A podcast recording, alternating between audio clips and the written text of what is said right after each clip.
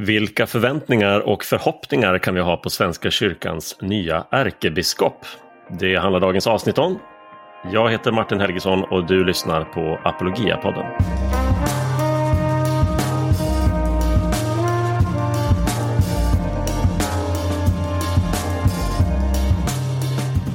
Välkomna tillbaka till eh, Apologia-podden, till vad som, eh, om våra planer går i lås, är det näst sista avsnittet av Apologia-podden för 2022. Och eh, med anledning av det finns det några saker som jag gärna vill tipsa er lyssnare om. För det första så är det att Apologias arbete är väldigt beroende av gåvor. Så om du tycker att Apologias arbete behövs och är viktigt alla besök vi gör i församlingar, på bibelskolor, alla utåtriktade samlingar vi gör och eh, eh, bokutgivning och, och sådant. Så får du jättegärna vara med och eh, stötta vårt arbete. Du kan göra det med en engångsgåva eller med en regelbunden gåva och du hittar både swishnummer och länk för att bli månadsgivare i eh, avsnittsbeskrivningen om du scrollar ner. Eh, så det är det första jag skulle vilja säga inför årets slut. Det andra är att vi kör en bokkampanj här i advent. Det är fraktfritt att beställa böcker i vår webbshop året ut och dessutom inför varje söndag i advent erbjuder vi 20% på ett nytt tema. Om du lyssnar på det här avsnittet när det är alldeles färskt så är temat apologetik och vi erbjuder 20% rabatt helt enkelt på några av våra eh, grundböcker eller så att säga in, introduktioner till apologetik av olika slag. Och eh, om några dagar är det en ny vecka och då kommer ett nytt tema. Så, så håll eh, utkik eh, om du får vårt nyhetsbrev eller på vår hemsida. Och passa gärna på att eh, skaffa några hårda härliga klappar eh, till nära och kära från vår webbshop.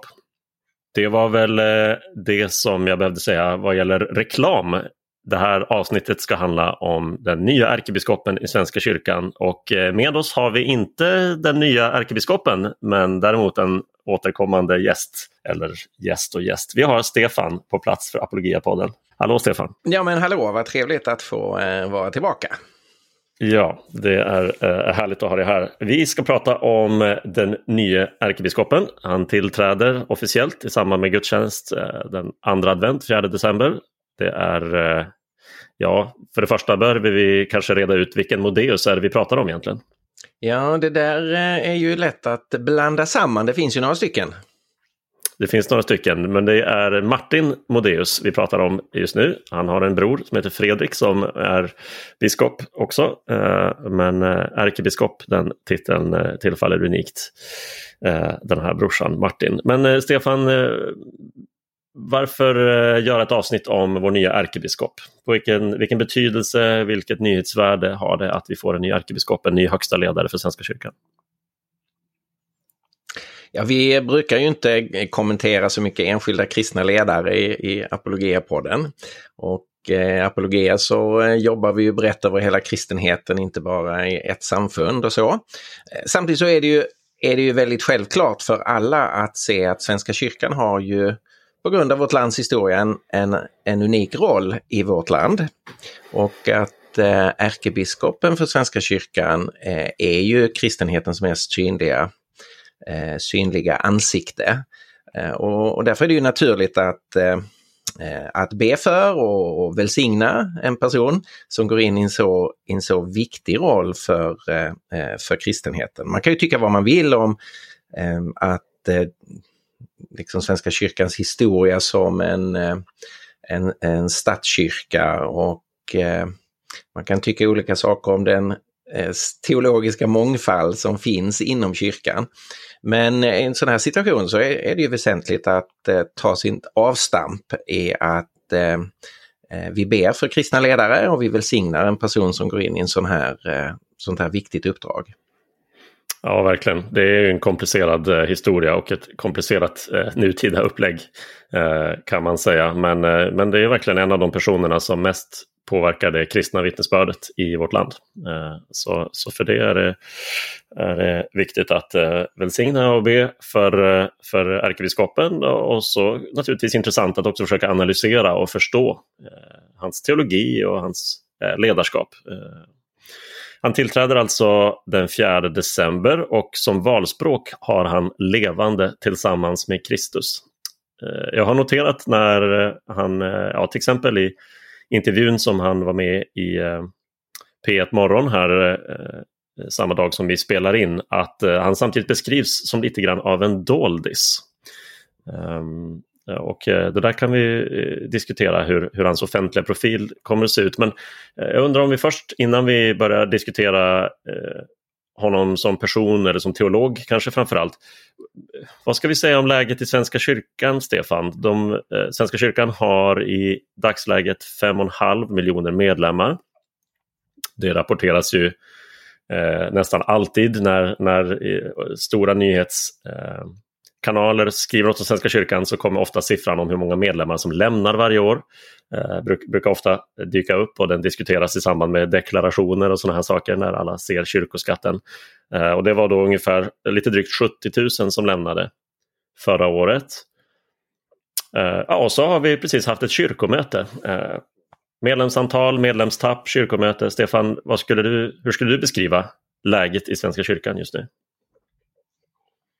Har du någon ja, man kan ta sin utgångspunkt i, i medlemsantalet så är det ju eh, fortfarande enormt imponerande.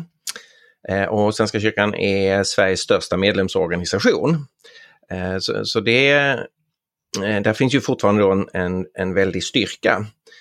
Samtidigt måste man ju säga att det medlemskapet eh, åtföljs ju av mycket litet personligt engagemang och i de flesta fall så vet man inte alls vad det medlemskapet står för. Många medlemmar tror jag inte ens vet om att de är, är medlemmar, än mindre är aktiva. Så det där är ju en siffra som har eh, den har ju eh, en historisk bakgrund just utifrån statskyrkosystemet. Att den är, fortfarande är så pass hög och samtidigt så är den då ju kontinuerligt fallande eh, eh år från år. Man kan ju se Svenska kyrkan ur ekonomisk synvinkel är ju väldigt stark. Eh, man har mycket rikedomar jämfört med alla andra kristna sammanhang i Sverige. Samtidigt som eh, ekonomin framöver kommer att bli mycket problematisk eh, för kyrkan.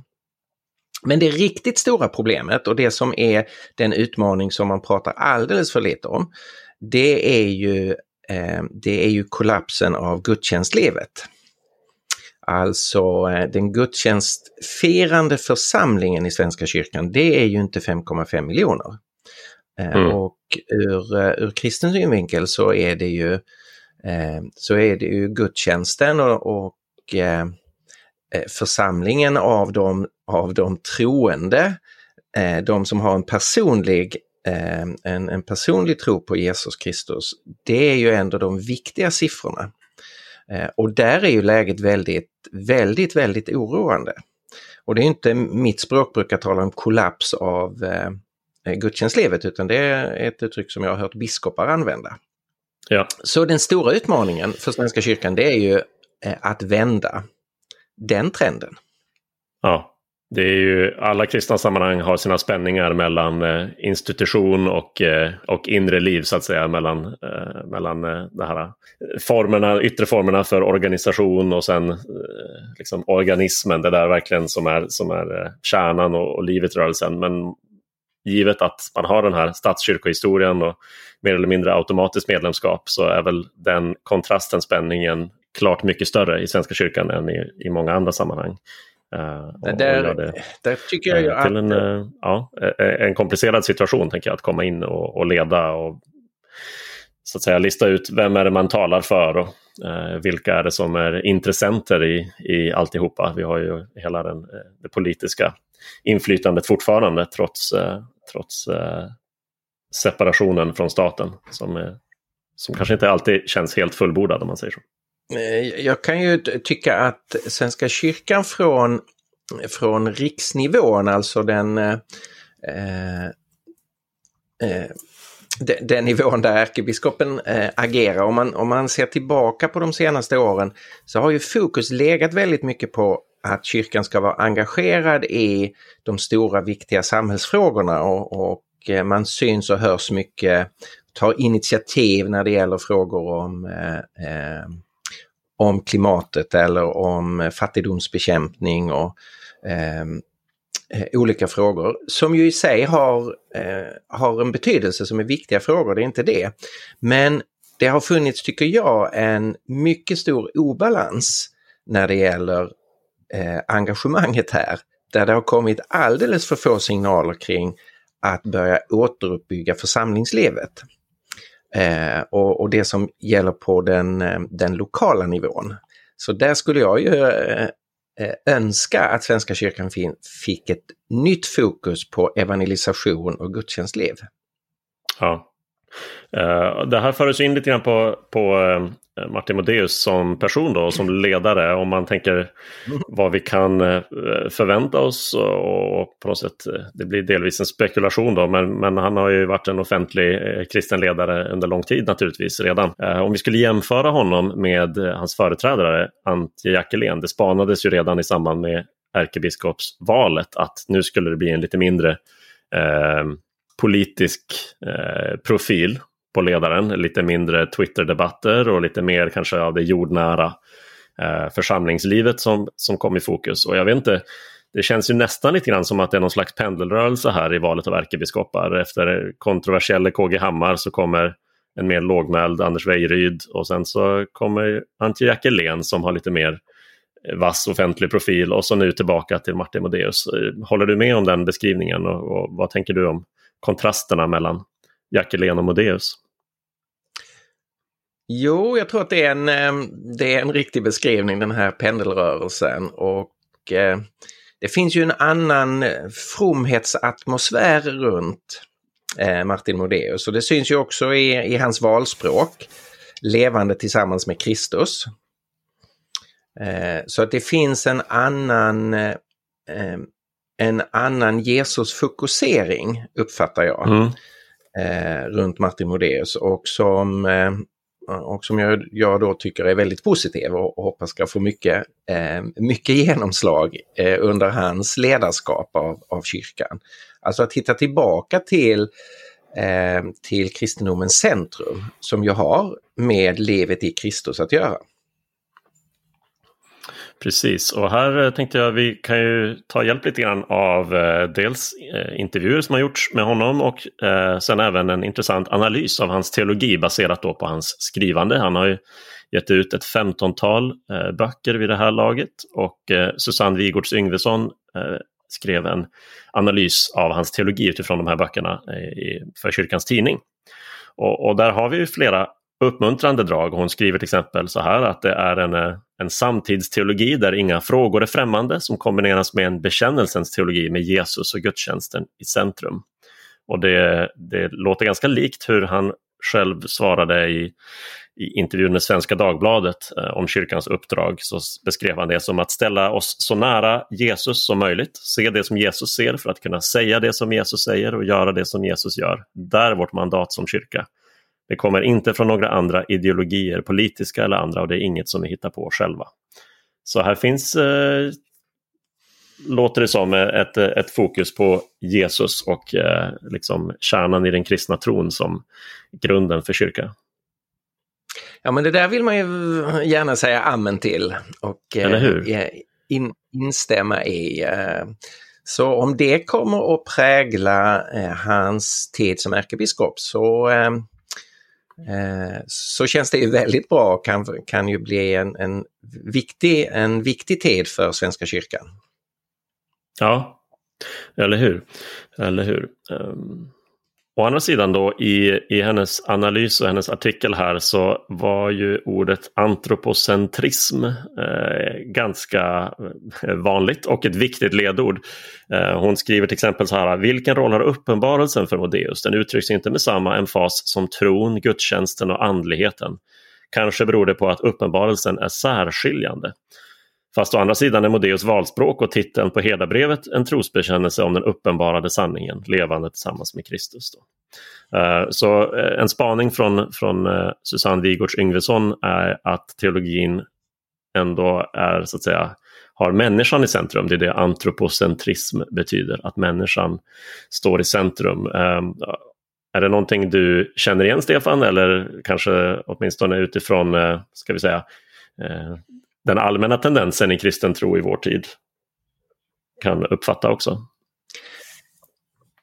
Ja, det, det här är ju då lite oroväckande om vi uttryckte det väldigt positivt med den fromma inriktning mot, eh, mot Jesus och evangeliets centrum så finns här ju någonting som, som liksom spänner mot det eller som drar åt ett annat håll. Eh, alltså den eh, man kan säga en form av, av humanistisk utgångspunkt, alltså antropocentrisk, människan i centrum, att det är eh, utgångspunkten blir mycket människans behov eh, och människan, människans andlighet där Jesus kan liksom komma in. Men, eh, eh men där det då sker och det är ju liksom risken i hela vårt individualistiska samhälle att allting ska ske utifrån människans villkor och människans behov och människans förutsättningar. Och, och så får kristen tro väldigt gärna komma in där och, och ge sitt bidrag in till, in till människan. Men det är människan som blir utgångspunkten. Eh, och, och, det hade varit intressant att få höra Martin Modéus kommentera den analysen. Eh, att hans teologi är antropocentrisk. Eh, det, det, hoppas jag att det är journalister som, eh, som ställer den frågan till honom. Eh, därför att här är ju eh, här, här finns liksom en, en riktig brännpunkt. Kristen tro är ju till sin natur teocentrisk, alltså Gud är utgångspunkten och vår tro bygger på Guds initiativ, den bygger på Guds uppenbarelse, att han kommer till oss. Den bygger på Guds avslöjande om vem han själv är, och vi tar emot det och det är vi som ska omformas utifrån vem han är. Det är, det är ju Gud som sätter liksom villkoren. Det ligger i sakens natur eftersom han är vår, vår skapare och vårt upphov. Eh, och frälsningen i, i Jesus bygger ju på en sån utgångspunkt, inte en antropocentrisk utgångspunkt. Det är ju ett lite lurigt begrepp det här. Man kan lägga lite olika saker i det. Alltså jag har hört teologer beskriva skillnaden mellan eh, just eh, en viktig person som Martin Luther och, eh, och den andra av eh, de stora reformatorerna, Calvin. Då, att, att Luther är mer så att säga antropocentrisk därför att han talar mer om Gud utifrån hur vi möter Gud i, i hans uppenbarelse, i frälsningen och så vidare.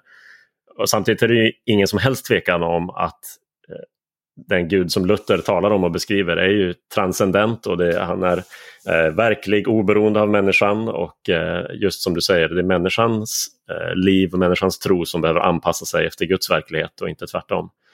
Um, så det kan ju finnas en positiv antropocentrism, eh, en positiv liksom, eh, sätt att betona människan och samtidigt i vår tid då där, där det finns ett så otroligt starkt subjektivt paradigm där det blir eh, Guds roll i, i mitt tankeliv och mitt känsloliv där andlighet eh, så att säga till för mitt psykiska välbefinnande eller, eller som en egen form av hälsa, andlig hälsa då, som naturligtvis är viktig. Men när, när Gud som oberoende eh, existens på något sätt tonas ner så mycket att Gud bara finns till för att få mig att må bra. Det där är ju eh, oroväckande om det, om det är det det handlar om. Och det kanske är för tidigt att uttala sig om. Det, det är just det som eh, eh, det hade varit intressant att få föra ett samtal med den nya ärkebiskopen om. För att det är självklart att, att kristen tro har ju en starkt bejakande av människan. Vi är skapade till Guds avbild och därför är, är varje individ viktig. Och det finns ju ett starkt bejakande av, av, människans, eh, av människans behov. Men samtidigt är det ju inte människan som är utgångspunkt i det samtalet. Eh, och eh, det som det som eh, Susanne Wigertz Yngvesson gör i sin analys är ju bland annat att hon gör en, en viss statistik. Det kan man, ehm, man kan ha lite, ställa frågor kring det, men hon gör en statistik av vilka ord som Martin Modéus använder i sina böcker. Hon har gått igenom fyra böcker. Jag gissar att hon har dem i elektronisk form så hon har kunnat göra enkla sökningar. Det brukar underlätta den sortens analyser. Hon, Ja, just det, att hon inte har behövt sitta och räkna för, för hand med en, en blyertspenna i handen. Eh, eh, utan eh, då, då, skriver hon så här, jag citerar, eh, Kristus används minst antal gånger, 68 gånger. Jesus används mer, 492. och Gud överlägset mest 2076 gånger. Alltså att eh, det, de mer abstrakta allmänna, allmänna begreppet Gud används överlägset mest. Eh, och sen skriver hon så här, begreppen uppenbarelse och sanning får nästan inga träffar alls. Och det kan mm. jag ju tycka är oroväckande. Det är ju två ja. väldigt viktiga begrepp för att förstå den kristna tron. Uppenbarelse och sanning. Ja, och det är ju in, handlar ju inte helt och hållet bara om vad han lägger i de orden utan också hur den kristna tron förstås i vår tid. Därför jag har upplevt att även när man själv eh, är tydlig med eh, att vi tror på en transcendent gud, att kristen tro är objektivt sann eller annars, ärligt talat, ganska ointressant. Eh, det där är ändå svårt för människor att ta in för man tänker sig Eh, så naturligt eh, utifrån vår tid eh, och vår tids sätt att tänka att nej, det vi egentligen talar om det är subjektivt. Det handlar om, om den gud som, som vi tror på och förstår på, eh, på våra egna sätt och så vidare. Och eh, även om, om Martin Modéus då alltså har en, har en god förståelse av det här så kan det ju faktiskt vara något i, i vårt moderna eh, sammanhang som, motiverar att det där behöver komma fram och, komma fram och betonas extra mycket. Snarare än, än liksom hamna i skymundan. det är en, en, kan bli en, eller en intressant kontrast i många svenskkyrkliga gudstjänster där man å ena sidan i samband med textläsningar då läser man GT-texten och episteltexten och så avslutar ju den som har läst texten med att säga så lyder Herrens ord och församlingen eh, svarar Gud, eh, vi tackar dig. Och sen läser man evangeliet och det avslutas med så lyder det heliga evangeliet, lovad vare du Kristus. Då finns det en markering av att här kommer någonting utifrån till oss som eh, som har auktoritet, det är Guds ord och som vi tar emot så som Guds ord och bekänner som Guds ord. Sen är det ju i praktiken väldigt ofta så att den förkunnelse som sen följer utifrån den texten som just har lästs eh, sker utifrån en helt annan utgångspunkt, alltså den helt subjektiva, individualistiska, relativistiska utgångspunkten som präglar så mycket av vår kultur. Ehm, och, och eh, vad ska man säga, undergräver lite det som skedde i det, i det liturgiska där man bejakade att det är Guds ord. Ja, finns det något annat Stefan som du tycker är relevant som har framkommit här i samband med, med hans tillträde som ärkebiskop? Jag lyssnade på intervjun med honom i P1 Morgon eh, i de, de, den här morgonen, eh, fredag morgon. Och Eh, det sades många fina saker eh, som eh, jag gärna bejakar. Jag blev lite frustrerad när Martin Modés fick frågor om de politiska partierna i kyrkomötet. Ah. Där jag tyckte att han la sig väldigt lågt och bara talade om att han tyckte att de representanter som fanns där visade stor respekt och förståelse för kyrkans uppdrag och han gjorde inte mycket till markering av det osunda i att ha politiska partier i kyrkomötet. Eh, och där skulle jag ju verkligen önska att vi fick en ärkebiskop som kunde vara lite tuffare i den frågan. För det är ju en, eh, det är ju liksom en historisk anomali, det är en historisk konstighet att vi har fått politiska nomineringsgrupper som som sitter i kyrkomötet. Eh, och det hoppas jag att eh, vi får en kyrkoledning som kan markera lite tuffare mot det. Eh, det därför att det är, en, det är ett, ett i grunden sjukt system att det är politiska partier. Ja, och det är du inte ensam om att hoppas på, eh, vare sig i den här lilla poddstudion eller eh, ute i Sverige i stort. Eh, det blir spännande att se om det kan ske någon förändring där. Det har ju ibland de eh, senaste åren hörts eh, signaler från politiska partier som om deras intresse av att eh, styra eh, kyrkan skulle vara i avtagande och det hade ju varit positivt. Eh, men, men man undrar ju för det finns så stora ekonomiska och politiska intressen och, och värden i den här institutionen så att säga. Att det blir intressant att se om man verkligen kan släppa det. Det greppet. Det kan ju visa sig att det blir de politiska partierna som, som avvecklar systemet. Men jag tycker ju att eh, att den processen borde påskyndas av kyrkans ledare och att man skulle kunna vara ganska tuff eh, i, i sitt förhållningssätt till den frågan. Ja, verkligen. Ja, men eh, med allt detta sagt av eh, frågetecken och eh, frustrationer som du uttryckte det så eh, ska vi komma tillbaka till att eh, eh, det är någonting spännande och intressant att följa hur, vår, hur, hur Svenska kyrkans nya ärkebiskop kommer att, att leda Svenska kyrkan. Och, Eh, vi eh, får helt enkelt göra som vi sa i inledningen, eh, önska Martin Modéus all framgång och välsignelse i att leda Svenska kyrkan på ett bra och rätt sätt. Och få be för honom. Mm, här är det ju viktigt att kunna, kunna göra flera saker samtidigt. Så teologisk analys kommer ju kontinuerligt vara viktig. Kyrkokritik, alltså att kriti kritisera sånt som skulle kunna vara bättre. Eh, kritisera sånt som alldeles uppenbarligt är felaktigt och tokigt och farligt. Det är ju kontinuerligt viktigt och det behöver ju ske i alla sammanhang om man själv vara öppen för den sortens kritik. Och och eh, vi kommer ju säkert fortsätta att ge också eh, kyrkokritik i relation till eh, Svenska kyrkan och, och, och så. Men det eh, kan ju gå tillsammans med att man också eh, ber för eh, och uppmuntrar och välsignar eh, och skickar, eh, önskar välgång över kyrkan och över vår nya ärkebiskop. Verkligen, och det gör vi. Och eh, ni som lyssnar och eh, har eh, frågor, funderingar, respons på det här får gärna höra av er till podd apologia.se ifall någon går på installationsgudstjänsten i Uppsala på söndag så får ni gärna skriva och berätta hur det var. Eh, det är kul att höra från er lyssnare. När vi tar och rundar av eh, vårt avsnitt för idag så ska vi tipsa om någonting som händer framöver här i Apologia och det är att vi den 13 december på självaste Lucia-dagen bjuder in er till årets sista Apologia Live. Och det har som rubrik Fråga vad du vill. Menar vi det, Stefan? Det menar vi, rakt av, 100% Helt konsekvent.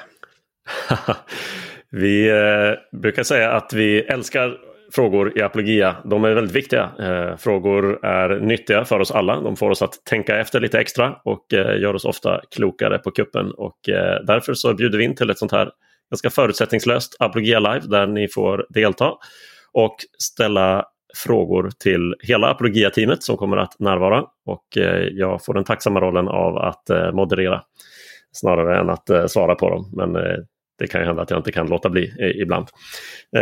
Och det är alltså den 13 december klockan 19. Det är som vanligt helt gratis att delta. Det är som vanligt bara panelen som hörs och syns. Du skriver in dina frågor i text och skickar in dem och du kan till och med göra det helt anonymt om du så vill. För att delta behöver man dock anmäla sig, så gå in på apologia.se så hittar du länk för att eh, anmäla dig där. Du får gärna dela Facebook-evenemanget. Eh, du hittar alla länkar och så i avsnittsbeskrivningen här under. Så hoppas vi att vi ses och hörs på årets sista Apologia Live. Med det sagt så ha en fortsatt glad advent allihopa. Vi hörs igen nästa gång på Apologia-podden.